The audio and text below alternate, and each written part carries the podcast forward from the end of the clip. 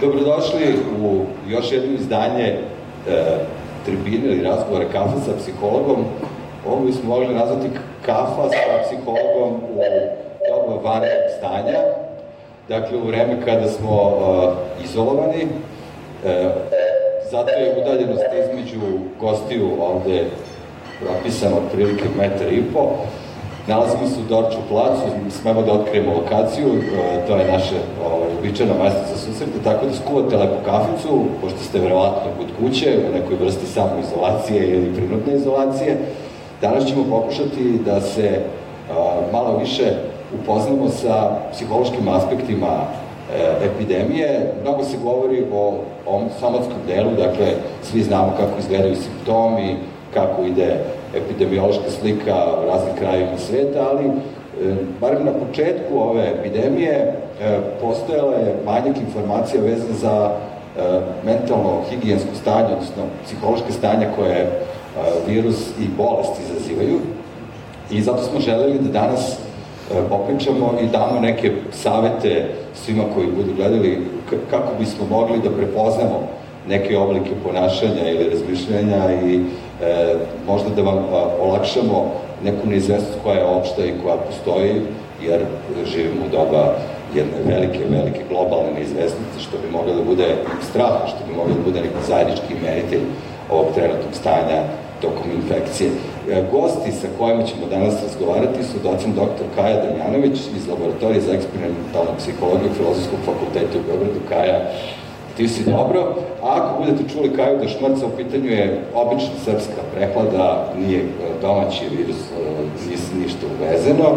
E, profesor dr. Milan Latas, lekar specijalista psihijatrije sa klinike za psihijatriju kako kažem, kliničkog centra Srbije, da. to je, i e, Milan je čovjek koji se bavio paničnim stanjima i anksioznim stanjima, o tome si pisao knjige, tako da mislim da sad došlo tvoje vreme, možemo tako da kažemo, što se bar ti imaš jedan živ eksperiment da u toku, a putem e, Skype-a, odnosno putem interneta, e, čućemo i još jednu gošću, Anu Berović, kliničku psihologa i psihoterapeuta, koja je u Zagrebu, u svojoj sobi, u jednom divnom ansamblu sa Benjaminom i Lampom, tako da ćemo koliko god budu tehničke mogućnosti dozvoljavali da čujemo i e, njeni savjet, ona je e, jako lepo pisala o nekim praktičnim savjetima vezanim za ove, dobar krize, pa samo, samo da, da probamo vezu, da kažemo, Ana, da li nas čuješ, sve je u redu, čujemo se. Zdravo, ču, čujem, čujem vas i nadam se da čujete i vi mene. Čujemo te odlično. Super, hvala. Da krenemo od početka, dakle, e, evo, daću prvo priliku Kaj da kaže nešto, e, laboratorija za eksperimentalnu psihologiju, odnosno ti si sa saradnicima imala jedno vrlo zanimljivo istraživanje oko, e, od početka praktično epidemije, e, kako je e, tekla, da, možda da kažemo, psihološka slika, e, pa da se upoznamo sa tokom tog e, procesa sa strahom koji je bio prisutan, pretpostavljen.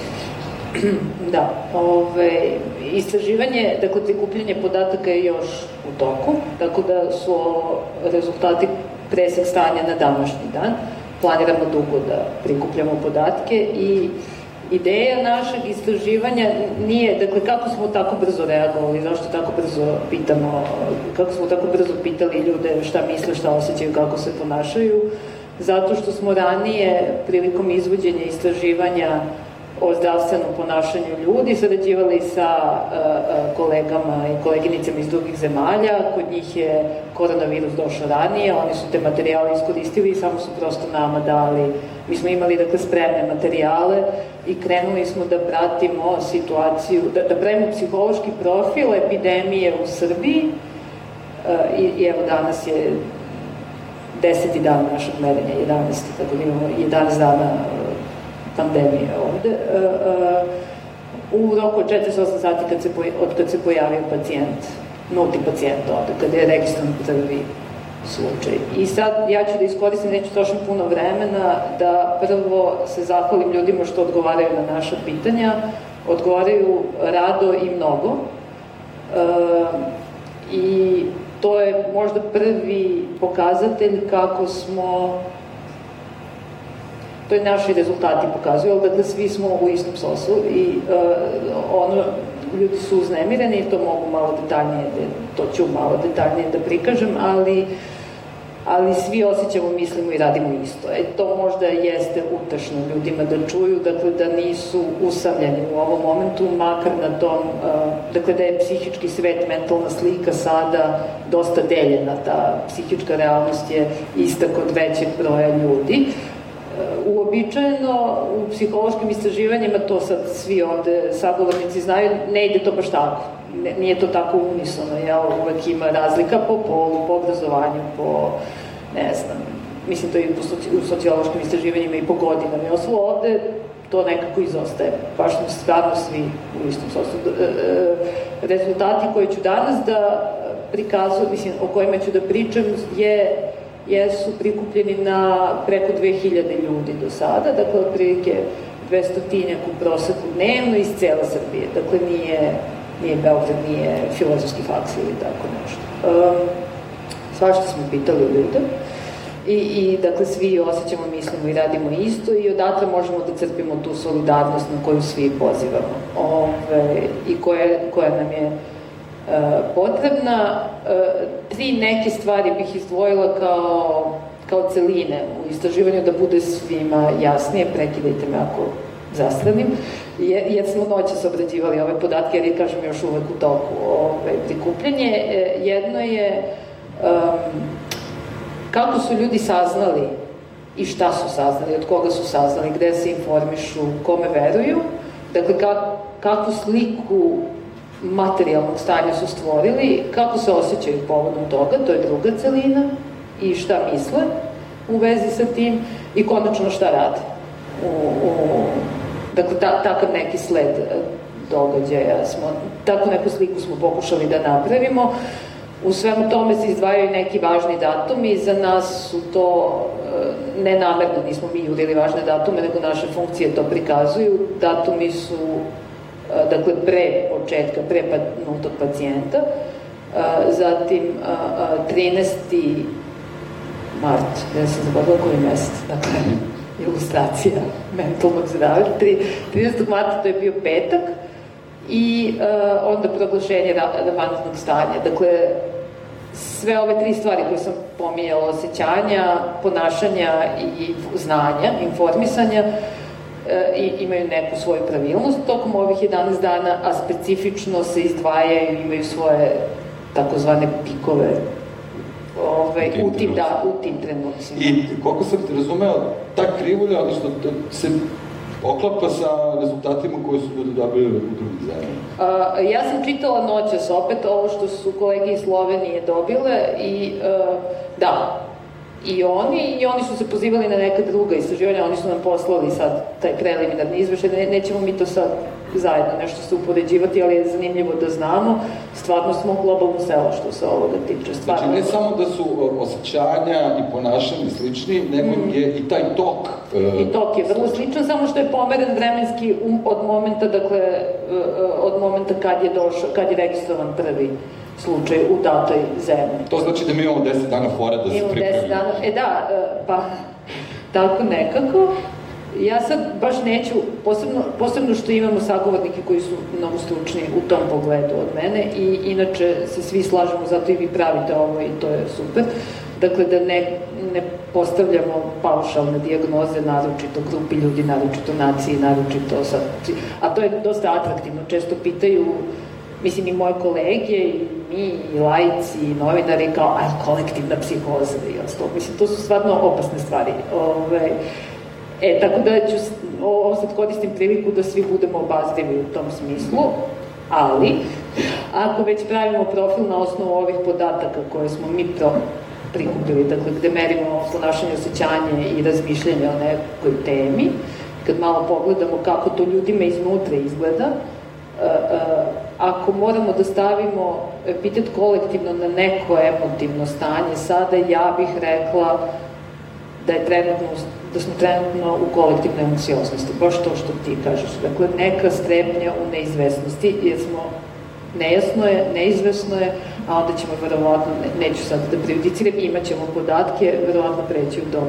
profesora Latasa, gde će biti stvarno to što Da, ti si izgovorila magičnu, možda ne, ti ali... izgovorila si magičnu reč anksioznost, na to se Milan odmah ovaj, uključuje, da to je tvoja u, u, uži predmet bio proučavanja i e, kako bi ti opisao e, psihijatrijsku situaciju, mislim, iz tog ugla ti imaš da odiš sa pacijentima svakodnevno, a možda o, o, kažeš koje su to osjećanje i stanje koja dominiraju u periodu.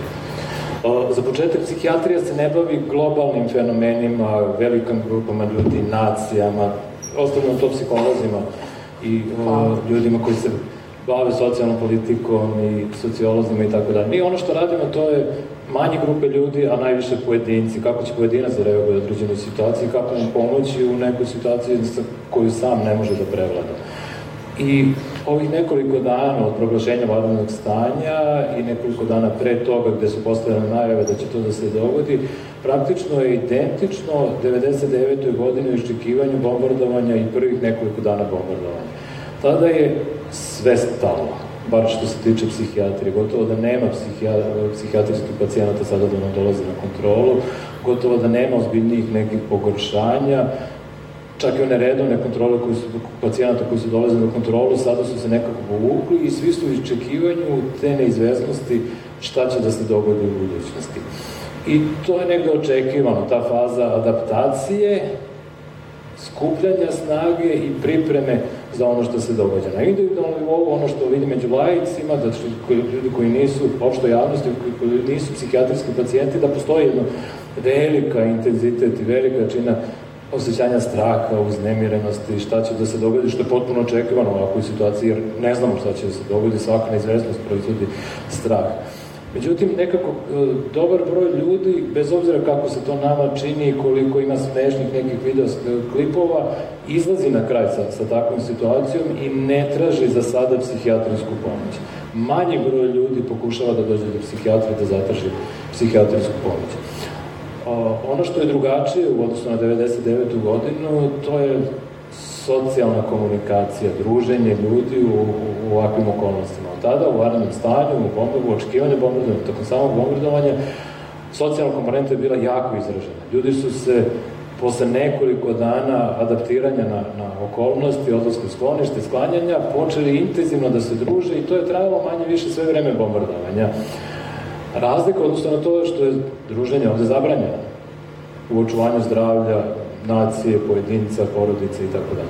Tako da je ovo jedan ozbiljan lični, socijalni eksperiment da vidimo šta će se dešavati sa jednom važnom psihičkom funkcijom, to je komunikacija, druženje, socijalizacija, koja je jedan važan element psihološkog zdravlja ljudi. Većina ljudi vole da su u komunikaciji, da pričaju sa drugim ljudima, da ogovaraju druge ljudi.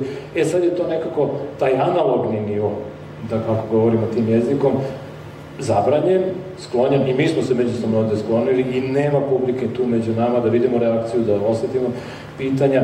Nema više te komunikacije koja je bila pre nekoliko dana koja je bila 99. godine, ali ono što se novo sada stvara to su digitalne mreže, odnosno što je moj sin nazvao digitalno druženje u 21. veku. Na pitanje vi klinci se ne družite onako kao što smo se mi nekada družili i zapostavljate jedni drugi. Ne, ne, ne, mi se samo družimo na drugačiji jedan način. Kroz Viber grupe, socijalne grupe, Facebook, Instagram, direktnu komunikaciju preko telefona. I to je nešto što je možda ohrabrujuće, gde možemo da nađemo utehu, gde možemo da nađemo solidarnost, gde možemo da nađemo da informaciju da svi prolazimo kroz isto upravo ovo što, što je Kaja rekao kroz ovo istraživanje, to je ohrabrujuće da nije pojedinac samo izložen, već da je velika grupa ljudi se osjeća vrlo slično u ovoj situaciji. E, sad ćemo da uh, pokušamo da čujemo Anu, a Ana, uh, ti si i e, psiholog i psihoterapeut. Da li ovih dana imaš neka uh, iskustva u komunikaciji sa svojim klijentima? Šta bi bilo za tebe osnovna karakteristika ovog stanja? Ovako, E, e, s obzirom na to nekako da se, kao što ste i, i sami istakli, nalazimo u jednoj situaciji koja je vanredno stanje po pitanju e, mera zdravstvene zaštite, tako se nekako nalazimo u situaciji koja je jedno vanredno stanje na psihološkom planu um, ljudi s kojima ja radim u privatnoj praksi.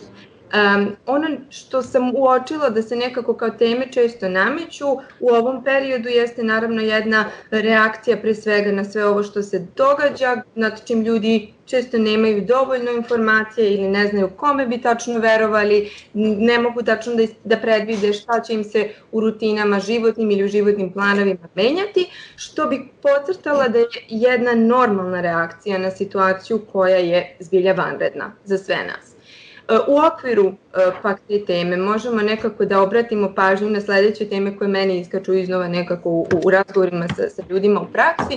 Jedna od tema svakako jeste, um, jesu različiti strahovi koje ljudi mogu da iskuse u ovom e, trenutku, strah od uh, neće dovoljno kontrole, strah od neizvesnosti, takođe uh, jedan od, uh, uh, jedna od pojava sa kojima uh, sa kojom se suočavam jeste trendovi u precenjivanju ili pocenjivanju pretnje, E, kao i e, trendovi nekako u pocenjivanju ili precenjivanju sobstvenih sposobnosti da se zaštitimo. U tome svemu nekako treba tražiti balans, a još jedna važna tema u kojoj treba tražiti balans jeste uopšte e, izloženost naša informacijama kojih je sada na pretek bilo u medijima, na društvenim mrežama i tako dalje, koja može u koliko nekako ne, ne odmerimo neku količinu koja nam čini dobro, koja može i da nas dodatno optereti to bi bilo e, nekako jedna kratka slika stanja stvari sada. Eto, e, Kaja, sad ćeš dobiti priliku da nam a, malo detaljnije izložiš, izložiš ove rezultate, ovaj, pa da vidimo e, da ta, ta zakonomernost koja se pojavlja je vrlo zanimljiva, očigledno nas, ja sam zapamtio još na ovim studijima psihologije da je on prvi deo psihijatrijskog intervjua kada dođe čovjek s problemom kao prvo olakšanje jeste da kažete vi niste jedini koji ima taj problem. Mhm. Dakle, uh, još ima ljudi, to je prvi nivo kada nekako taj strah postaje slabiji, odnosno umanjuje se. I niste ludi. I niste ludi, da. Ludi što ovo osjećate što ste uprašali. Nisu. Uh, dakle, ja, mi smo prikupili podatke i kažem, upravo to se nadam da će uh, čuti ljudi, pa da ponovim treći put i ja, dakle da, da se svi manje više isto, barem kažemo da se osjećamo isto, radimo slične stvari i, i pratimo informacije na isti način. Ja gledam, uh, glavne nalaze sam zapisala ovde, pošto su pipave stvari, ne želim da pogrešim, zato ću malo gledati sve na vreme u telefon. Uh, prvo, mogu da pričam to informisanje koje mhm. zanima uh, ljude i kako je to izgledalo u poslednjih deset dana. Da... Izvini, znači informisanje je, pošto ajde, ajde, medija, ja sam tu kao, da, da, pa, da. prosto da. ovaj, uh, nekako napravimo tu priču, živim zbog toga što je pitanje informacije bilo nešto što, što je kod velikog broja ljudi, evo i u medijima, dakle u programu koji ja radim svakog jutra, ja sam primetio da ljudi očekuju neku suponosnu informaciju da. koja će im biti saopštena preko medija, koja će njima rešiti i razvijati strah da. i uliti im sigurnost u smislu ako budete uradili ovo, onda se sigurno neće desiti ovo, ono što e, se ne dešava, naravno. To je jedan deo priče i gde se nalazi, koji, su, koji je to izvor uh, najpouzdaniji i odakle se informišemo i uh, da li će to da budu zvanični, pa se pojavljaju teorije zavere, pojavljaju se razne glasine, to je sad savršeno da. vreme za to.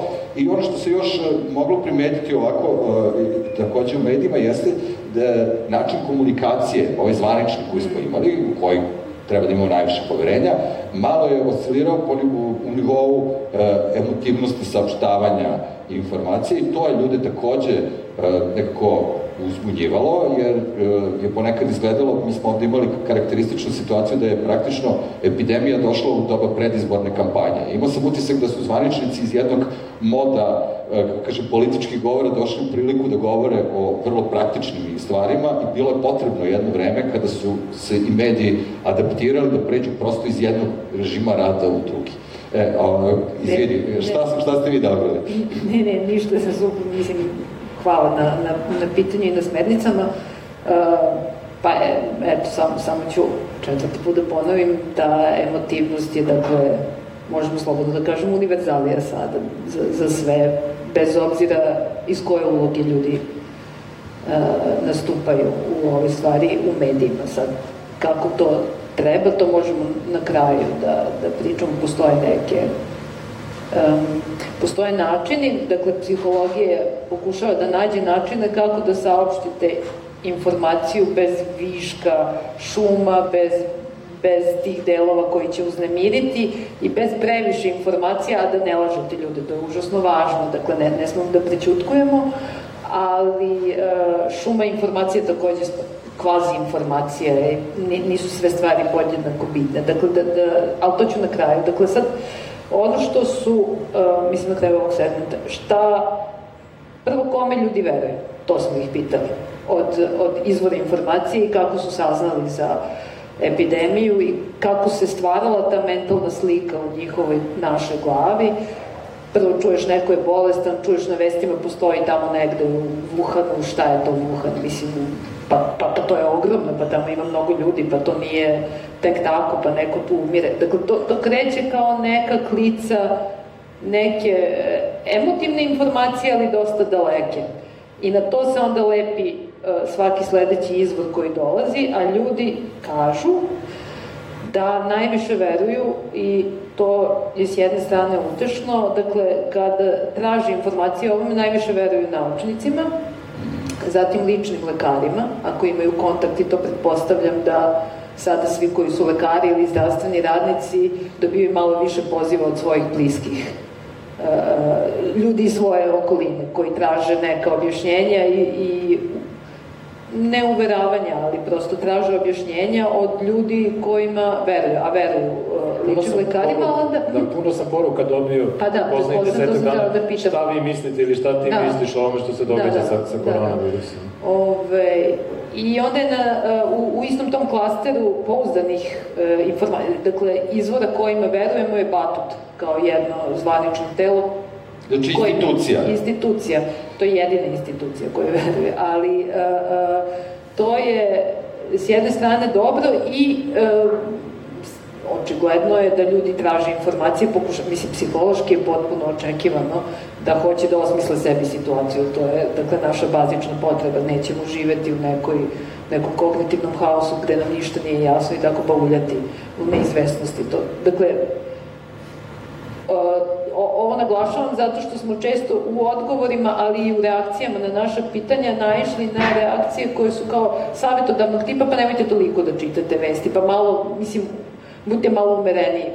To nije realan zahtev. Ljudi ne mogu da budu umereni u smirivanju sebe. Dakle, oni čitaju informacije, možda to nama deluje preterano, ali čitaju ih da bi se smirili. Dakle, to dolazi iz ovog drugog dela koji smo merili, iz, iz brige i straha, ali to će oni više da, da adresiraju kakva je dinamika toga. Na drugom mestu veruju institucijama drugi klaster, ali to dosta onako nije, u apsolutnim ciframa ne uliva baš poverenje zdravstvenom sistemu kao takvom, ministarstvu, tradicionalnim medijima, gde su televizija, novine i da, dakle to baš tradicionalnim vrstama. E, ali ono što je zanimljivo u ovom segmentu, a to je gde se zapravo ljudi informišu. Dakle, ovo je bilo pitanje kome oni veruju i šta bi voleli, od koga bi voleli da dobiju informacije i kakve, ali to je neka idealna slika kako mi ljudi zamišljamo ko nama sad treba da priča, na osnovu naših potreba, poverenja, ali i očigledno iskustva poslednjih ne znam koliko godina kada se informišemo o važnim stvarima. E,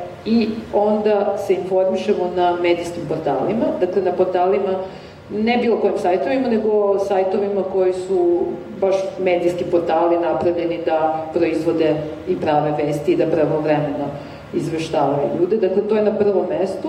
Društvene mreže, Batut se opet javlja kao e, sajt Batuta kao izvor informacija i TV koji u početku nije televizija kao izvod nije bio primarni, a sada valjda malo i zato što smo zatvoreni u kuće, e, e, a i zato što je nekako jednoznačnija informacija, na to ću da se osvrnem, dakle, e, nekako raste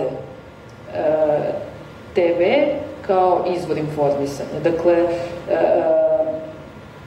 svi ovi izvori koje sam nabrojala nisu uvek jednoznačni u svojim porukama koje šalju. To ljude strašno zbunjuje. Dakle, nije... E, I to je ta vrsta, oni i kažu, mi kažemo, to je ta vrsta uznemirujućeg informisanja. Dakle, ne možeš da prestaneš. Moraš da osmisliš sebi situaciju, a onda manično gledaš sam upotrebila ružnu reč, ali, ali uh, gledaš previše sajtova, proveriš celo nekontrolisano, ne, ne mogu da se, ali, ali to je zato što traže smirenje ljudi i onda ih svaka sledeća informacija, i sad smo negde u tačci, to ljudi govore, više ne znam kome da verujem. I to je taj deo, i onda je to novi ciklus uznemirenja.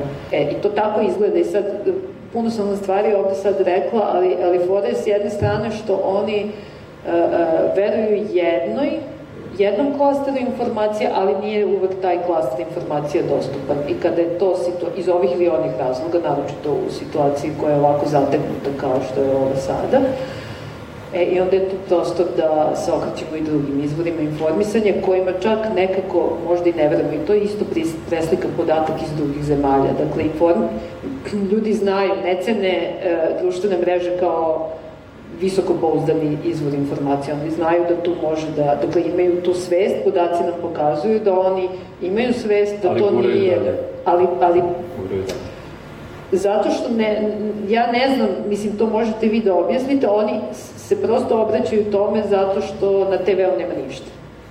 Dakle, te mreže su bitne psihološki ljudima, one su deo njihovog uh, prostora, to može psihološki da se objasni verovatno iz milion uh, aspekt, iz milion perspektiva može tome da se priđe i imamo mi kolege koje baš izučavaju i ponašanje i, i na internetu i poverenje i razne te aspekte. Ove, ali u ovoj trenutnoj situaciji internet izlazi kao strašno bitno mesto zato što, a nije prvi izbor, ali kao da nemaju šta drugo. Da, tako naši podaci ili toga, dru, toga drugog ima možda previše pa ne mogu da se snađe, ovako sami sebi prave selekciju. To sad može da bude naše istraživanje to ne kaže ni da li je dobro, ni da li je loše, nisu nam takvi podaci, niti nam je to bio cilj, ali jeste specifičan izazov i treba da imamo u vidu da se ljudi tu informišu. Dakle, ako hoćemo nešto da im kažemo,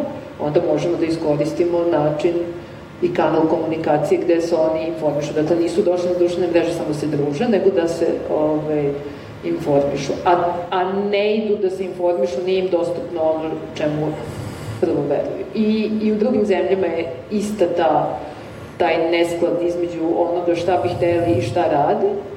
To je samo taj kratki aspekt što si me ti podsjetio. Kako zapakuješ tu informaciju? Isto učimo u hodu, trebalo bi, mislim, postoje i istraživanje i neke prakse e, i lako je sada da budemo pametni, ali dakle pakovati jednostavno istinitu informaciju je verovatno vrhunska zanatska stvar vrhunska umetnost, mislim, a, a i teško je e, stručnjacima da zanemare i da kažu ne, fokusiraj se sad na ovo, ne, da, da ne daješ previše stvari zato što, zato što ne previše stvari nego e, na primjer, kada pričamo o riziku, o percepciji verovatnoće i ostalo, to ljude zbuni. Vi, vi im kažete u, ne znam, 75% slučajeva, oni od toga mogu da čuju, to je mnogo, to, pa to nije mnogo. Mislim, u zavisnosti od mnogih aspekata postoje načini da im to predstavimo, ne znam, slikovno ili ispitivane su tehnike kako ćeš što preciznije, što jasnije da preneseš baš tu informaciju, da ne ostaviš mnogo prostora za slobodno tumačenje. Sad je to trenutno, pa trenutno verovatno svi to radimo, mislim, dakle svi emitujemo neki šum. Milane, sad kada govorimo o, o, o, o e, uticaju informativnog programa, društvenih mreža, obraćanja sa raznih strana vezanih traganja za informacijama. E, kako izgleda e, ta situacija kada, kada govorimo o anksioznosti, to je ono nekakav slobodno lepteći strah. Ovde imamo realnu opasnost, ovde imamo nešto što realno može da predstavlja strah. E, kako izgleda to u... A ne vidimo ga. A ne vidimo ga, da. Na koji način reagujemo na informacije, da se, evo, pratimo i, i, i kajno izlaganje, dakle, na koji način ljudi reaguju na te informacije.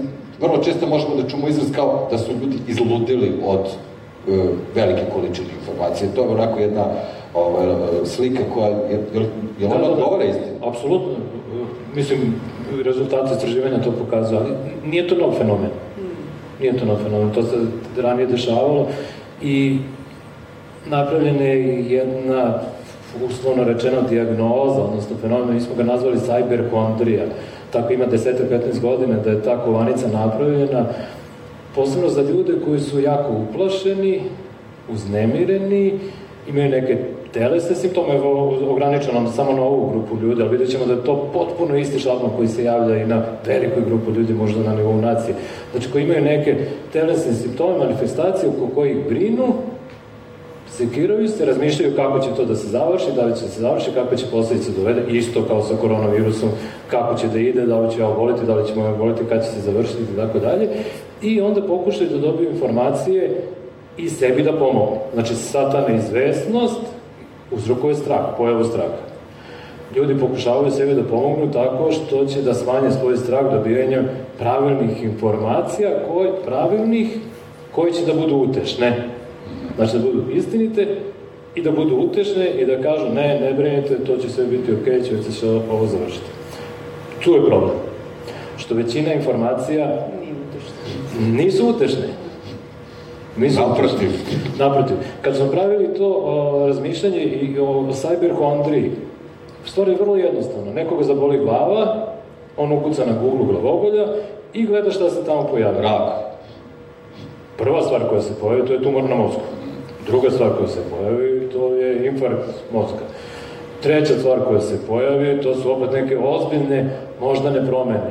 Tek tamo na 10. 12. mestu se javlja da je to možda zbog povećanja pritiska ili umora ili nedovoljnog spavanja i tako dalje. Ljudi se zakače za tu prvu informaciju misleći da je ona najvažnija. Onda se još više uplaše. Onaj strah koji je bio vezan za glavogulju sad raste ne samo za glavogulju, već mogući tumor. Onda traže informaciju šta da rade ukoliko imaju tumor. Kad ukucaju tumor na mozgu, onda tek kreću novi strahovi i nova uzbuđenja. I to je nešto što mi sada vidimo na nivou, verovatno, cele nacije. Ljudi pokušavaju prirodno da budu uplašeni, prirodno da budu u strahu, prirodno da ne znaju šta će se događati i da traže informacije, ne bi li sebi smanjili taj strah. Strah je strašno negativno osjećanje, ljudi ga strašno teško podnosi, pokušavaju da ga što brže nekako spuste, smire i obuzdaju. E, i tu nastaje problem. Onda traže informaciju, da informacije dovedu do nove, tačne, pogrešne, ali sigurno ne utešne informacije i onda traže, traže dalje, rezultat je što taj strah onda raste, raste, raste, raste. U cyberkondovi mi to pokušavamo da rešimo tako što šaljemo ljude na sajtove koji su provereni. To su institucije, pre svega ozbiljne institucije. Bilo da najčešće to pokazali ozbiljni univerziteti koji daju proverene informacije, naučne radove, istraživanje, rezultati i neki ukupan zaključak vezano za to šta može da se dogodi ili šta ne može da se dogodi. Kao prva informacija kako ljude možemo utičiti i onda u drugom, u drugom koraku oni dolaze kod psihijatra ili kod nekog lekara da reše taj svoj problem. Nažalost, nemamo tačne informacije šta će se sve izdešavati. Međutim, ono što je definitivno istina i što poslednjih dana se pokazuje kao jedna važna činjenica, a to je da ovo prolazi. Da ovo prolazno stanje, koje će trajati izvestan broj nedelja, možda i meseci, ali će da prođe. Već vidimo informacije iz Kine da, koji su bili na udaru krajem decembra meseca, intenzivno tokom januara, februara, već u martu počinje znatno manji broj manje, možda neznatno, ali manji broj inficiranih, manji broj bolesnih, manji broj umorih ljudi, što daje neko ohrabrenje da je ovo prolazna stvar koja traje nekoliko meseci. I mislim da je to važno da ljudi znaju da će ovo da prođe. Za većinu nas će da prođe. Nažalost, ponekad će imati ozbiljne posledice, ponekoga će imati, nažalost, i smrtni ishod. E, ono što mi pokušavamo u zdravstvu da smanjimo te posledice raznim epidemiološkim merama, između ostalog vanredne stanje, smanjivanje komunikacije, smanjivanje druže, smanjivanje poseta, sredstvima zaštite, alkoholi, pranje ruku, nošenje zaštitnih maske, nošenje zaštitnih odela, pranje odela kad se dođe u kuću, skidanje toga sve što je bilo s polja i tako dalje. ovaj, da bismo smanjili sve te posledice. Nažalost, neki ljudi će se razboliti, mi već imamo predikciju koliko bi to moglo da bude i velike su cifre. Mi se u zdravstvu spremamo na to i mislim da smo čak i spremni na veliki broj prihvata svih tih ljudi. Nažalost, postoje ljudi kojima nećemo moći da pomognemo, ali za najveći broj ljudi ovo će da bude jedna prolazna stvar na koju se treba sada dobro adaptirati, pre svega zaštitnim merama, epidemiološkim merama, smanjivanje straha, pa ćemo onda da izguramo sve ovo. Ja bih ovde ponovo uključio Anu, zato što uh, si govorila, meni je to bilo jako zanimljivo, jer sam se sreo sa tim fenomenom u svom okruženju, a to bi recimo bilo ono kao najgori mogući scenarij, to je način razmišljanja u ovoj situaciji. Veliki broj ljudi e, nekako sebe sprema za taj najgori e, mogući scenarij, da sam se pitao to su oni koji govore sve gotovo, sad će to, bit će to hiljade žrtava, ne znam, ono, bolest, ljudi, kako ćemo, a, a, ali šta je to, koji tu mehanizam psihološki stoji iza, i ti si lepo to opisala kao neku vrstu, neke naše lične psihološke imunizacije, ako se spremimo za ono što je najgore, sve što bude e, manje od toga je super. I ovaj, vrlo si, vrlo si lepo pričala o tome zato što je to jedan fenomen koji se vrlo često sreće u okruženju ljudi na takav način razmišljaju, praktično razmišljajući o najgorem scenariju, oni sebe umiruju, što je malo paradoksalno zvuči, ali je tako. Tako je, u, u, kao što sam u, u tekstu koji sam pisala, um, upravo u cilju osnaživanja ljudi da brinu o, bolje o sobstvenom mentalnom zdravlju u ovom trenutku, pa i mentalnom zdravlju svojih bližnjih, istakla sam jednu tendenciju koja nam se često dešava u situacijama kada uh, postoji, oko nas postoji neka uh, preplavljujuća anksioznost ili neka situacija nad kojom doživljavamo da nemamo jedan veliki stepen kontrole. E, u tim situacijama može da nam se dogodi sledeće. Kao što ste i sami rekli, e, naš um pokuša da na neki način povrati osjećaj kontrole, paradoksalno povrati osjećaj kontrole kroz zapravo e, fiksiranje, čak i nekako ponašanje kao da je sasvim izvesno da će nam se dogoditi najgori mogući scenariju. to je jedan od načina zapravo da mi paradoksalno osetimo, kao što sam rekla, ne, neku, neki malo veći stepen kontrole u tom situaciji. Nama je neki stepen kontrole na našem životu, pa i životom naših bližnjih, jedna od kako fundamentalnih nekako osnova naše, naše dobrobiti, tako da to samo po sebi nije problematično. Problematičan je način na koji to pokušavamo da uradimo, te bih ja pozvala ljude ako primete da im se nešto slično dešava, da probaju da potraže neki drugačije načine, da procene šta je u ovoj situaciji pod njihovom kontrolom i šta im vraća taj osjećaj kontrole. U zapravo nekoj realnoj, uh, realnoj situaciji na svakodnevnom nivou. To za nekoga može da znači različite stvari, može da znači prosto imam ovu kontrolu nad time da li sledim mere zaštite koje su propisane i da li nekako sam uh, informisala ili informisala sve svoje bližnje da se i oni trude da rade i. Naprimjer. E, hvala Ana. E, sad, e, ja moram da kažem, pošto smo u ovom prvom delu, e, odlično je ovo istraživanje dalo nekakvu strukturu razgovora o informacijama, ja moram da primetim da, su, e, da se u medijima zaista pojavila konfuzija. Ono što je bilo karakteristično za sam početak jeste za mene, isto kao i ovaj čovjek koji u medijima, ali i psiholog, Meni je bilo fascinantno kako u takvim kritičnim e, situacijama odjednom kod nas se u, u medijima probije neka vrsta magijskog mišljenja.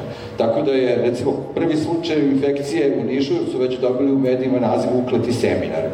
E, to se znači kao, stoji ukleti seminar. Tamo su došli ljudi neki iz Lugana i kao sad ti ko je bio na ukletom seminaru. I vrlo lako e, samo skliznemo u jedan način potpuni ovako iracionalni i, i to e, nije bila informacija koja je negde na nekoj desetoj strani, nego je imala isti stepen relevantnosti kao i zvanično obraćanje. I mislim da smo tu da. o, vrlo često ove, ljude doveli u jednu vrlo konfuznu situaciju, jer ako vi pa, čitate... Pa mu je ovo da pročitam. Da, da. Mislim, ako čitate ukletom se, ove, da. seminaru, nakon toga treba da pročitate mišljenje nekog ono, da, da. lekara da, ili da, da. stav neke institucije.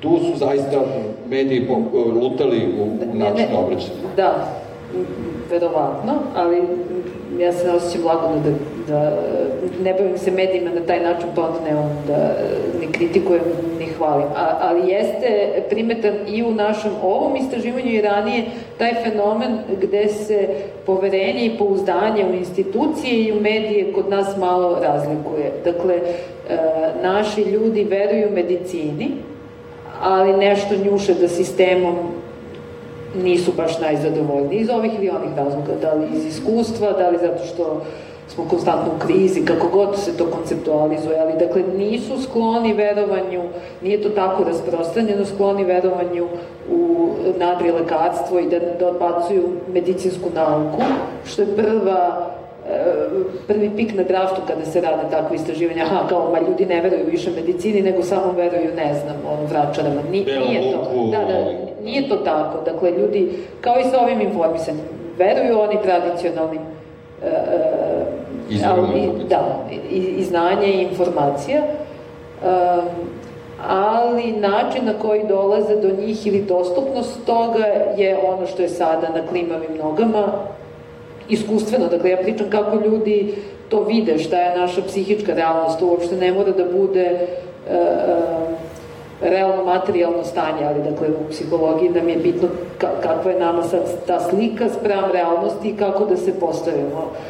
E, to je sad trenutno kriza, pa to tako izgleda. Ja verujem da će se vremenom nekako sameriti te slike i kada se opazi da postoji na primjer u, u zdravstvenom sistemu da postoji uh, strategija, da su uh, ljudi spremni, da ima način na koji može da se odgovori na ovakav izazov koji nije mali, dakle ne treba ga ni podoštavati, ali da postoji neko ko zna bolje više i hoće da uradi nešto po tom pitanju naši Uh, mislim, dakle, ljudi unutar zdravstvenog sistema. To trenutno nije slika, ali, ali a da, kad se sukobe te bombastične informacije i ove dosadne tabelarne sa procentima, sa, mislim, to kako da kažem... Uveđuje ukliti seminar. Da, da, ja, ja, ukliti seminar, odlično. E, druga, druga oblast, mm. nakon informisanja, u vašem istraživanju je bila uh, ovaj drugi, kako bih rekao, klaster podataka i mm. druga varijabla koja je bila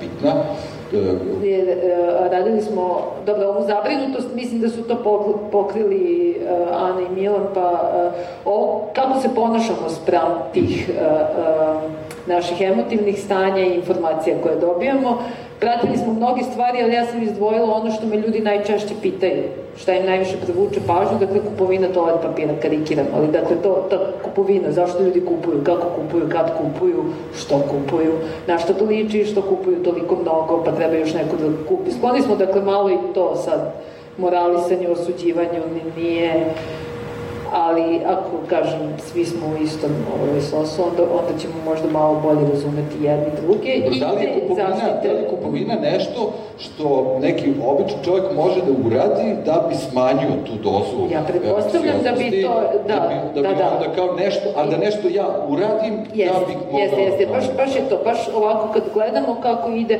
raste uh, zabrinutost i onda sledeći dan raste kupovina. Meni bi strašno bilo zanimljivo da vidim realne podatke o potrošnji ili o praćenju medija. Raste zabrinutost e, tog dana, na primjer, ne prate društvene mreže, su sutradan su na društvenim mrežama i pokupovali su brda stvari u radnjama e, i, i to je uvek tako. Dakle, na dan proglašenja vanrednog stanja tog dana su ljudi prikovani bili za a, a, izvor informisanja, nisu kupovali, sutradan su išli i poharali radnje.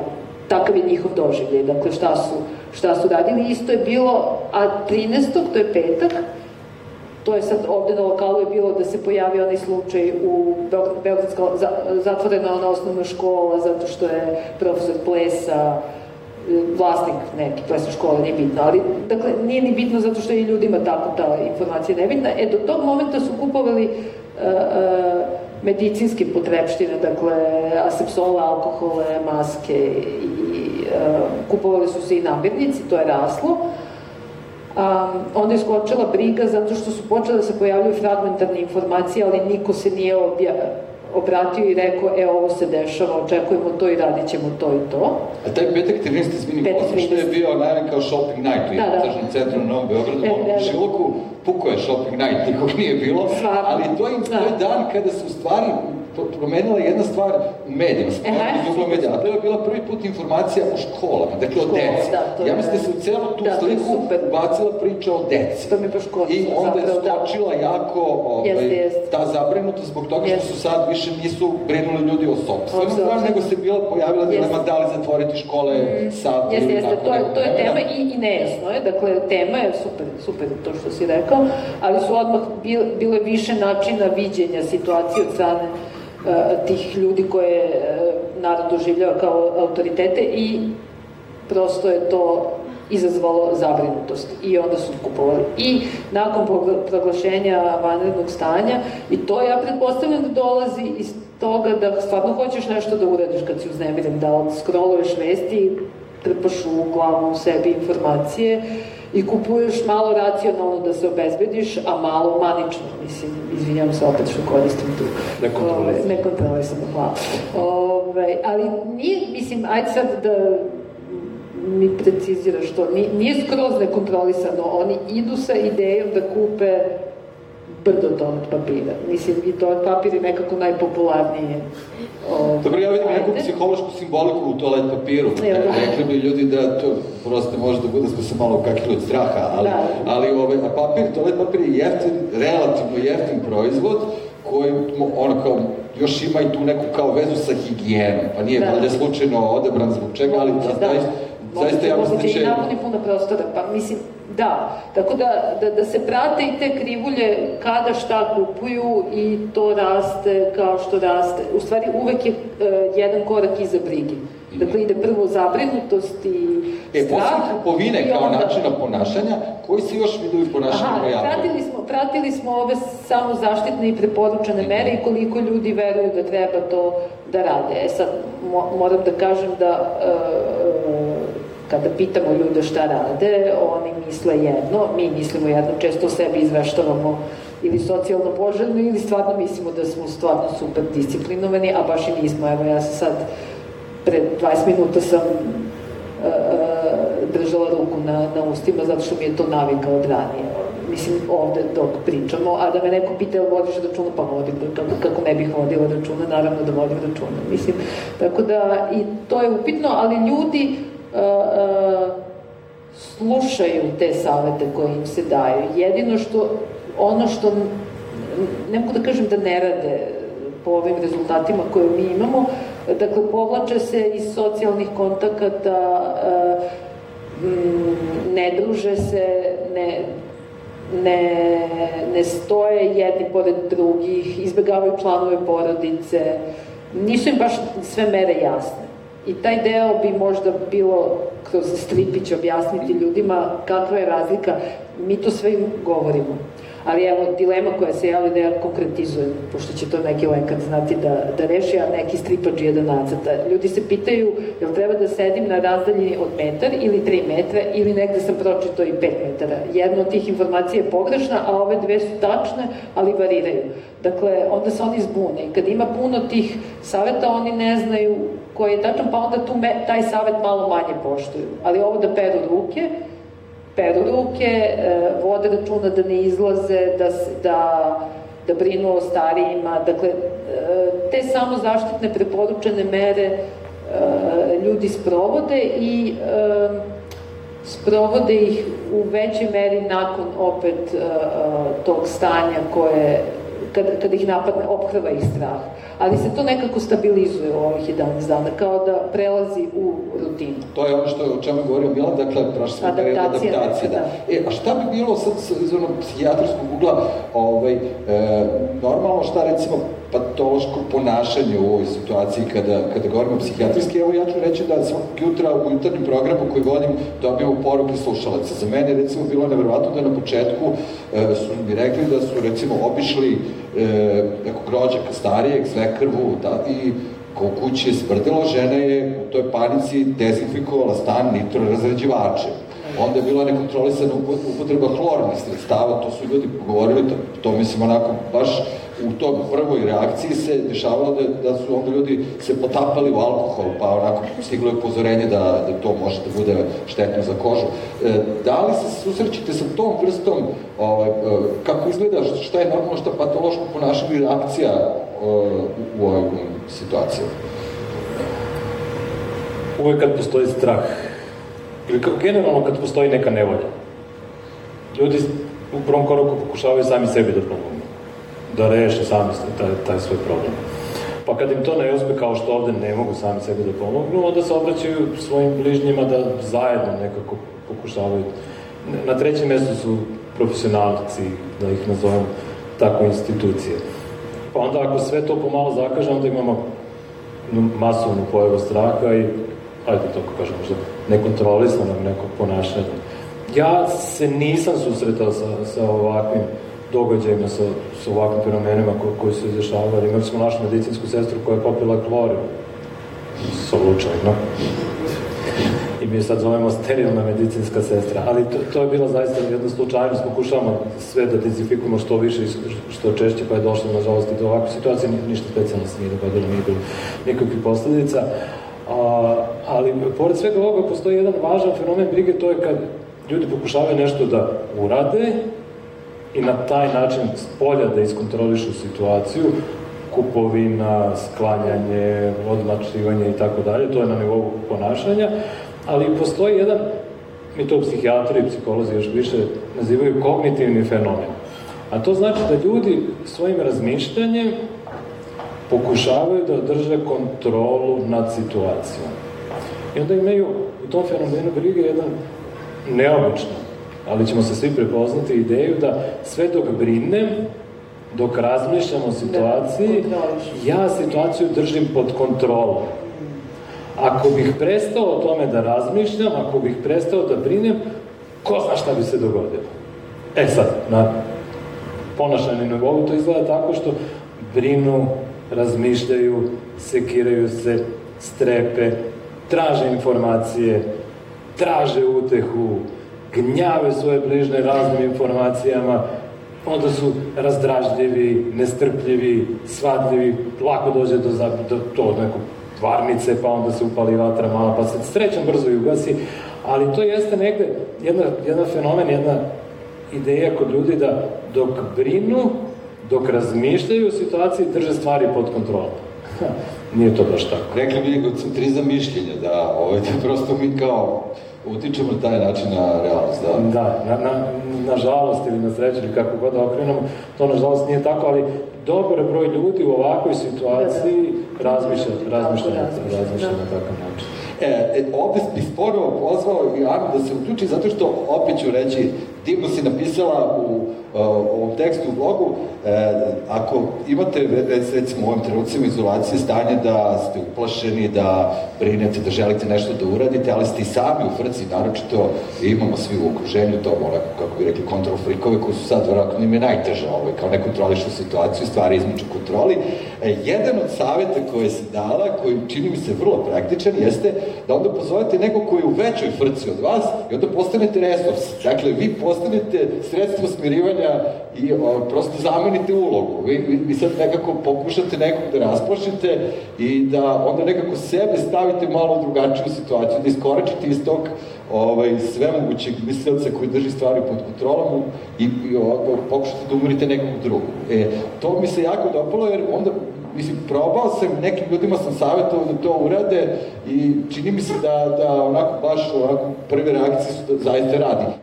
E, jeste. E, e, ja sam pokušala da, da u svom tekstu dam jednu e, smernicu i na tu temu.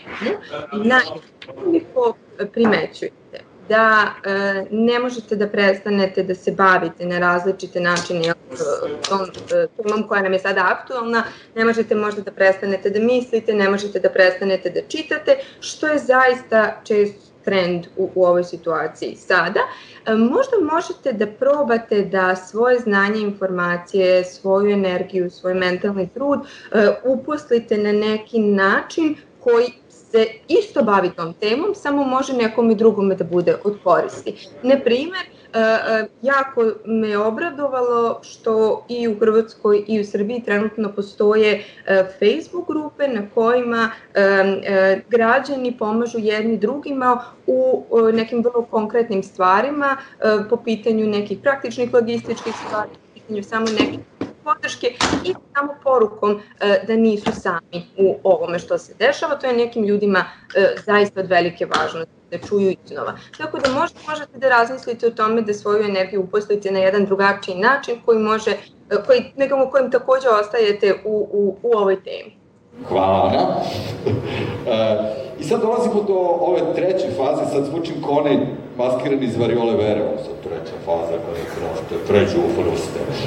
A, a to je o, ovaj period izolacije u kojem živimo, sad ovde ove, smo delimično izolaciji, meni jako prije, mi sad ko izlazak u grad, razgovaram sa ove, direktnim ljudima, e, da li e, sad na nivou ponašanja e, pojavljuju isto tako neke zakonomernosti, odnosno sada smo videli različite načine, Milan je govorio o tom cyber ili digitalnom druženju, e, naravno tu su one slike kada, kako izgleda e, taj život e, u, u, u izolaciji gde mi moramo da ispunimo nek, neku svoju potrebu za druženjem, a ovaj, nema ga u onom, kako kažem, fizičkom obliku. Da li te društvene mreže, da li ovo digitalno druženje može da ovaj, da bude dobra kompenzacija za, za ovu situaciju. Ti da ispričaš Pa, to je nešto Mislim, ubacit ću se ja, ali možda da.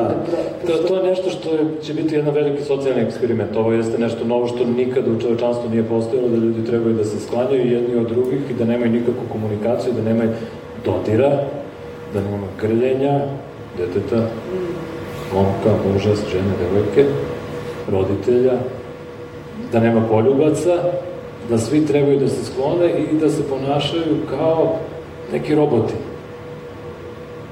Čak da nema ni direktne komunikacije.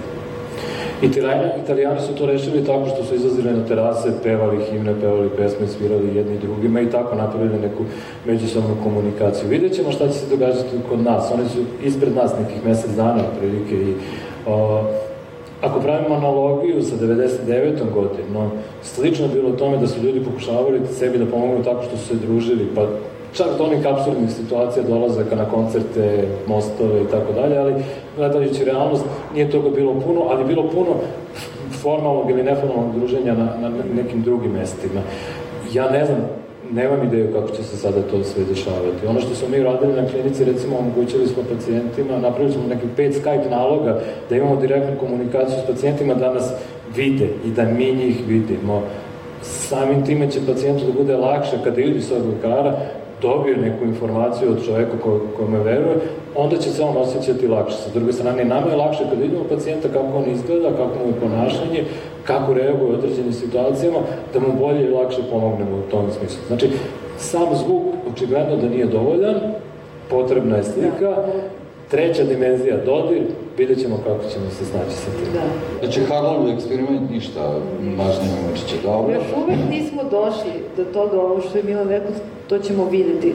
Trenutno, zato i nemam, uh, naši podaci ne daju više informacije o tome, trenutno su još organizacijoni izazovi u pitanju, dakle, treba da radite od kuće i ako imate dvoje, troje male dece, treba nekako njih da držite na malom prostoru, da vam ne smetaju dok vi radite. Mislim, ili, ili takvu vrste izazova. Ako ste stariji, kako da nabavite, kako da organizujete da vam da imate sve što je potrebno, ako ste sami, kako će neko da vidi ako vam je loše i ostalo. Dakle, još ni, mislim da, da ovaj uh, afilijativni ovaj motiv još nije, dakle, nije još došao, načet. nije još načet, mislim, nema, nema to mi je utisak trenutno, ali da svakako jeste idemo slede. Da, idemo da, da, do tome, sigurno, to nije baš to što si rekao, samo evo trenutno još ljudi nisu, mislim, meni je isto ovo osveženje da vidim sad kao 2, 4, 6,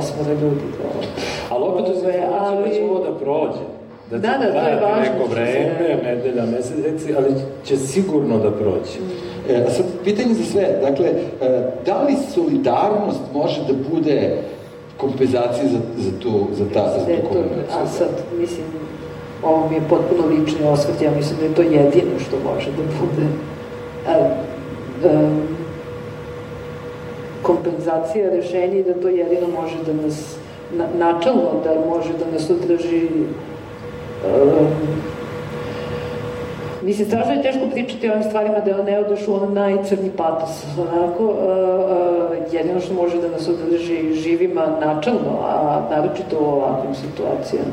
Dakle, ta vrsta ljudi su sposobni i za mnogo ružno ponašanja i za sitne zlobe i za podmetanja i ogovaranje i moralno osuđivanje i šta, šta god hoćete, ali su takođe deo našeg uh, biološkog ponašanja je empatija sa drugim ljudima i mi to možemo da... I to se da, pokaže u kriznim situacijama najviše. To se pokaže u kriznim da. situacijama. U Nismo mi... situacijama toga... Pa nije bitno, nije bitno za opstanak, mislim, ako ćemo tako da gledamo. Nije sad nužno, možeš malo tako da budeš ono kao iz neke ono, španske serije, neki lik, zato što neće imati neke velike posledice, možemo i tako da gledamo, ali u ovim situacijama ove, a, a, te dobre osobine mogu i tekako da nam koriste, ako već moramo da pričamo o tim terminima utilitarizmu, šta nam je korisno. Ali, ali ako jedna reč može da sažme celu ovu situaciju, po meni je to solidarnost.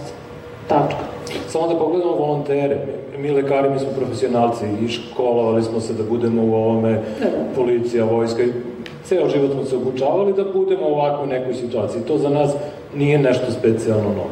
Ali postoji jedna velika grupa ljudi koji nisu za to obučavani, ali koji su svesno se prijavili da budu volonteri, da pomogne ljudima kojima je pomoć neophodna. Pre svega starijima, penzionerima, 65-70 godina, manjim sredinama, većim sredinama. To je ta solidarnost, empatija, pokušaj da pomognemo ne samo sebi, već, već i drugima. I mislim da je to jako dobro da će to da nas izvuče celo.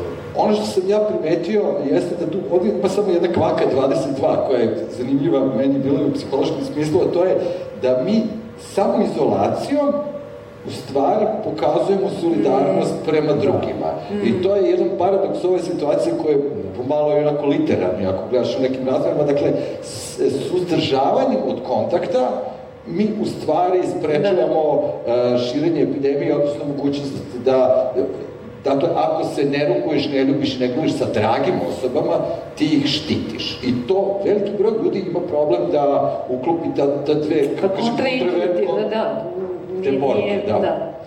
Ali štit, štitiš i dragi, i štitiš sebi, i štitiš sve na kraju, kraju.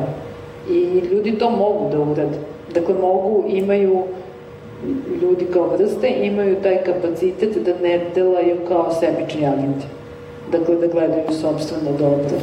Sa druge strane, je jako važna disciplina pogotovo u ovim situacijama vanrednog stanja, velike opasnosti, jako važna disciplina i da se ljudi na disciplinovan način pridržavaju uputstava. Imali smo juče informaciju da su ljudi dobili direktno uputstvo kada dolaze iz inostranstva da budu u samoizolaciji 14 dana. Oko 20% ljudi se nije pridržavalo Bili su nedisciplinovani. To je nešto što može da napravi problem. Da. Lični nacionalni. E, da, ali to mi je, sad ja moram da ubacim tu temu koju on, mi radimo s toga, malo je, dakle, ja ne znam kako naći tu vrstu balansa u informisanju ljudi između toga da ih ne uteraš u najstrašniji strah jer treba živeti treba živjeti narednih par meseci u takvim okolnostima kakve su, evo što kažeš ti, to će da prođe. A, a da ujedno shvataju i ozbiljnost situacije. U našem istraživanju svi shvataju ozbiljnost situacije i svi procenjuju da rade kako treba, ali se dešava da... Neće mene verovatno neće njih. Mislim da, da ima taj deo da, dakle, mora, mora ta disciplina da bude konstantna, dakle vi morate non stop da budete u izolaciji, jer je dovoljan jedan pogrešan kontakt ili jedan virus da posejete negde u nekoj prodavnici i nekome ste već napravili, onda taj I zato su važne ove spoljne mere kontrola vojske i policije, koje pokušavaju da drže red. Ali treba razumeti ljude zašto ne mogu da se prešaltaju u roku od 12 sati Mislim, vojska je trenirana da se tako ponaša. I njima možemo da kažemo, e, a sad ideš sa plana A na plan B. Ljudi ne funkcionišu, da, nisu istrenirani, nismo istrenirani i uh, i samo se klackam, mislim, i u svojoj okolini i samo za sobom i nerviram se kao za, za kako je moguće ne znam, kad zovem roditelji ili ostalo, pa sad svi imamo to iskustvo kao zašto se izlazio napolje i ostalo, ali treba da damo nekih, ne znam, sad ću da lupim, 72 sata, mislim, ali neko vreme da se ljudi prešaltaju na novi način funkcionisanje. Ne može to za, za... Nije racionalno očekivati, bilo bi idealno, ali nije racionalno očekivati da se ljudi prebace, aha, kao pandemija, pa što ne kažete. U tom smislu, da, u tom smislu je pojavljivanje vojske ovde bilo u psihološkom smislu kao znak da se nešto promenilo. A, Ana, ti si imala jedan niz praktičnih saveta kako e, za ponašanje u samoizolaciji, način u koji možemo da se rasteretimo od tog e, napetosti i, i, i tog pritiska koji se stvara u, u takvoj situaciji i e, o toj solidarnosti se takođe govorilo, postoji taj paradoks, dakle da mi gubitkom socijalnog kontakta ili uzdržavanjem socijalnog kontakta u stvari pokazujemo solidarnost ka drugim. Um, Dakle, kao što ste sami lepo rekli, e, e, zbilja postoji jedan paradoks u samoj meri koja nam je sada, meri solidarnosti, meri, meri koja nam je propisana kao mera kojom pomažemo sebi i, i pomažemo drugima, to je zapravo nekako uslučavanje od kontakta na neki način. E, na samu temu solidarnosti, da li smatram da solidarnost može i da, da prosto bude da bude nešto što nam pomogne u ovoj situaciji, apsolutno i nedvosmisleno da. Čak u nekako pogledu na, na celu situaciju koja nam se dešava, um, rekla bih da je uh, jedno od uverenja koje nas dodatno stabilizuje, uverenje da je naša solidarnost u situacijama pandemije uh, moćnija nego sama pandemija. E, to je nešto što e, vidim da nekako ljudima vraća osjećaj snage i stabilnosti. E, mere koje, naravno nije dovoljno da ostane na samom nivou uverenja, mere koje preuzimamo kako bismo tu solidarnost pokazali u praksi, u ovom trenutku zaista mogu gledaju drugačije nego one mere koje smo navikli. To će sada značiti da nećemo stupati u kontakt sa nekim osobama ili da će se promeniti način na koji ćemo sa tim osobama stupati u kontakt, kako ste lepo rekli. E, rekla bih nekako da da je to novi način da budemo tu jedni za druge, a ne e, distanca jedni od drugih. E, to je nekako mera koja, onako kako je ja uh, doživljavam i onako kako bih rekla da bi ljudima pomoglo, pomoglo da razumeju zašto time direktno doprinose tome uh, uh, nekako kolektivu i kolektivnom zdravlju i blagostanju. Evo, jedan zanimljiv eksperiment je napravljen u Italiji, onaj nekako sad, svi gledamo iskustva sa italijanima, nekako za kraj ovog priča, nadam se da smo bili od koristi onima koji gledaju, uh, jeste e, da su zamolili ljude da napišu pismo sebi od pre 10 dana. Da. 4 miliona ljudi u ovom trenutku pogledalo taj, taj video. Meni je bio zanimljiv ta, taj pristup da. da se obratiš sam sebi pre 10 dana, jer to samo pokazuje koliko su intenzivni doživljaji, koliko se stvari i na ovako, oko nas, ali i u nama menjalo za poslednjih deset dana i zaista su odgovori vrlo zanimljivi, originalni, dirljivi. E, neki se kaju što su bili suviše ležerni, o čemu su ti upravo govorila, kako nisu shvatali e, ozbiljnost situacije, neki e, smatruju da će to biti da, da nekakva poruka u boca sam unazad, Tako da, ovaj, to ajde... Evo, ja ne znam, za to zvuči mi zanimljivo da mi pošalješ. Da mi Vrlo zanimljivo. Da. Ajde sad pokušaj sebi da se obratiš pre 10 dana. Sebi? Da, da, da. Ako možeš da ja se presliš tako trenutka, ali pravila se istraživanja, tako da imaš taj tajming, onako, po, po, to je, to je otprilike ovaj, početak. Uh, to je baš dobro zapravo pitanje ali je potpuno, evo, nisam malo pre znala koji je mesec. Imam osjećaj, prvo što mi sad pada na pamet kad mi postaviš to pitanje, imam osjećaj da smo mi, uh, ovo je toliko um, obujmilo nas sve da ja imam osjećaj da sad ovo vanredno stanje i cijela ova situacija traje mnogo duže. Zapravo pričamo tri dana, tri dana zvanično, a recimo to je sad taj petak 13. kada je krenulo, tad je prestao moj posao da radi, smo dobili zadatke da se prešaltamo na novi način. držanja nastave, pa se uhodavam u tome. Dakle, e, u re, realnost, moja svakodnevica se suštinski promenila pre pet dana. Ja imam osjećaj da je to tako, evo, već pet meseci. Um, A zamisli deset IH, to, to je početak e, da. epidemije u Srbiji.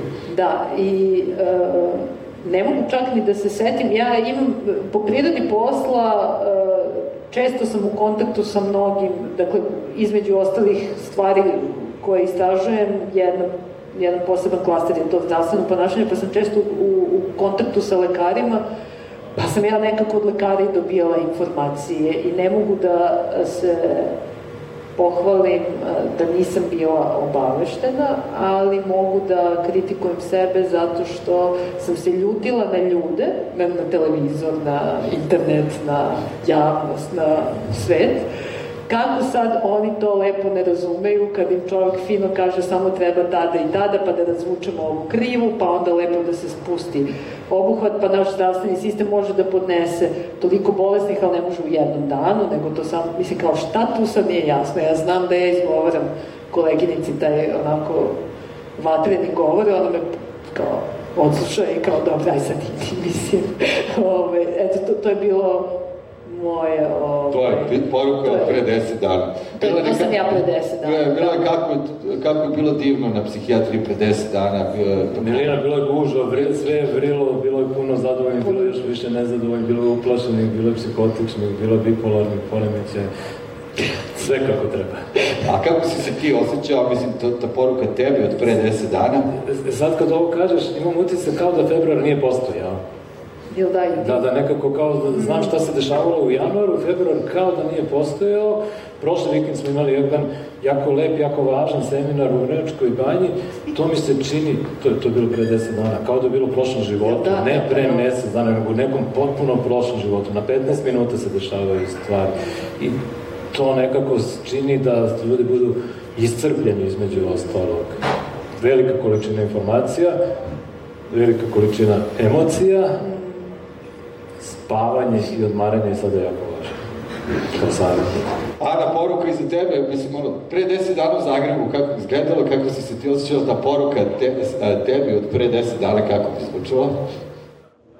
E, e, pa e, nije lako zapravo zapravo odgovoriti na to pitanje jer imam utisak kao i većina ljudi, a kao i ja bih rekla moje kolege sagovornici da nam je ovo ovih 10 dana proletelo, imam utisak o izmenjenoj percepciji vremena. Um, definitivno ne mogu da se setim tačno šta sam radila pre desetak dana, ali bih, um, uh, sećam se da me možda tada prvi put zapravo uh, prvi put sam počela da shvatam ovu situaciju ozbiljno i mislim da sam bila um, jedna od ljudi koja je prešla srpsko-hrvatsku granicu dok je to nekako još išlo, um, išlo lagodnije, neposredno pre nego što se situacija ozbiljila na jednom nivou. Uh, šta bih rekla sebi? Verovatno bih rekla sebi nekako... Um, Verovatno bih rekla sebi da, ne, da je okej okay što sada ne mogu tačno da, da, strukturišem svoje misli o ovome, ne mogu tačno da, da, da se snađem u svemu što se dešava i rekla bih nekako sebi da probam da se pripremim na to, na to da ovo može da potraje. Nisam bila sasvim spremna na to koliko ovo uopšte može da potraje. I, i u tom smislu bih se osvrnula um, moja nekako mera doprinosa koju sam odabrala jeste da sam prešla da sa svim klijentima radim u online settingu. Znam da mnogo mojih kolega takođe taj setting kako bismo zaštitili sebe i druge. I na neki način sam zapravo u nekoj vrsti e, svojevoljne izolacije neke vrste. E, pokušavam da zaista sledim, e, sledim nekako mere koje su propisane i to me zapravo suočava sa jednom takođe važnom psihološkom temom sa kojom verujem da se suočava mnogo ljudi koji bilo odaberu e, taj, tu formu zaštite kao prevenciju, bilo zapravo su na neki način osuđeni, prisiljeni da, da se izoluju. Um, ja bih rekla da je jedan, jedan misaoni tok e, koji nam može prosto e, u tom smislu pomoći, da to, e, da to što, što ostajemo sami sa sobom i što nam se neke rutine u danu menjaju, zaista vidimo kao privremeno stanje, kao stanje na koje se treba adaptirati i neke od konkretnih smernica naravno mogu, um, mogu, nam, mogu nam prosto pomoći da se bolje snađemo u tome, ali u redu je da se adaptiramo iz dana u dan, u redu je da danas nismo adaptirani za nešto što možda se događa tri dana od sada, prosto je neophodna jedna svakodnevna vrsta refleksije i, i procesuiranja onoga što nam se dešava. U nekom kratkom uh, smislu rekla bih da su neke od smernica možda koje ljudima pomažu prosto da to vreme koje sada provode uh, kod kuće uh, dožive kao jedno vreme koje mogu kvalitetno da provedu sa sobom ili sa drugima. E, takođe bih nekako ohrabrila ljude koji su prinuđeni da rade od kuće, da probaju da uvedu neku strukturu u svoj dan, zato što će se mnogo rutina promeniti. Takođe bih ohrabrila ljude da se pripreme na to da će biti možda osetljivi u ovom trenutku, da će neke tenzije da se prelivaju u komunikaciju sa članovima porodice, sa e, saradnicima. E, probajte samo da osvestite ako vam se dešava, da se neka vrsta anksioznosti koja se zapravo ima veze sa stanjem u kom se svi nalazimo preliva u neki odnos, probajte da budete nekako ljubazni i prema sebi, ali da probate da to osvestite i da nekako, da sami sebe pokušate da regulišete šta god da vam u tome pomaže. Eto, to bih, to bih dodala. Ana, mnogo ti hvala na učešću, evo, uspeli smo nekako barem ovako na, na daljinu da komuniciramo, ovaj, dalje ćemo pratiti ono što radiš. E, e, Kaja, tvoje istraživanje teče i dalje, ti ćeš nastaviti da prikupaš podatke? Da, to stoji sa mrežama, pa će e, trajati. Pričali smo, mi ja malo pre, pre kamera smo malo razmatrali šta, šta još može da nas čeka i koji će tu sledeći važni datumi biti u, u ovim merenjima, a, pa ćemo videti šta će da se desi. Ali a, a, ništa, samo solidarno. Solidarno, slažem se. Milane? Tri rečenice, a mislim da su važne. Budite zdravi, ostanite kod kuće, ovo će da prođe. Ovo će da prođe, da. Hvala vam, hvala vama, nadam se da smo bile pomoći, ovaj, vaše komentare naravno ostavite, zanima se šta vi ste s tome. I nadam se da smo, ako vas baš nismo utešili i, i smirili, bar da smo vam uh, ispunili ovo vreme u samoizolaciji, pa sad možete da prećete na nekakav film, seriju ili nešto drugo čime ćete ispuniti vreme, mi ćemo i dalje biti s vama, naći ćemo sigurno načina da vam se obratimo i da bit će još kafe sa psihologom. Hvala još jednom.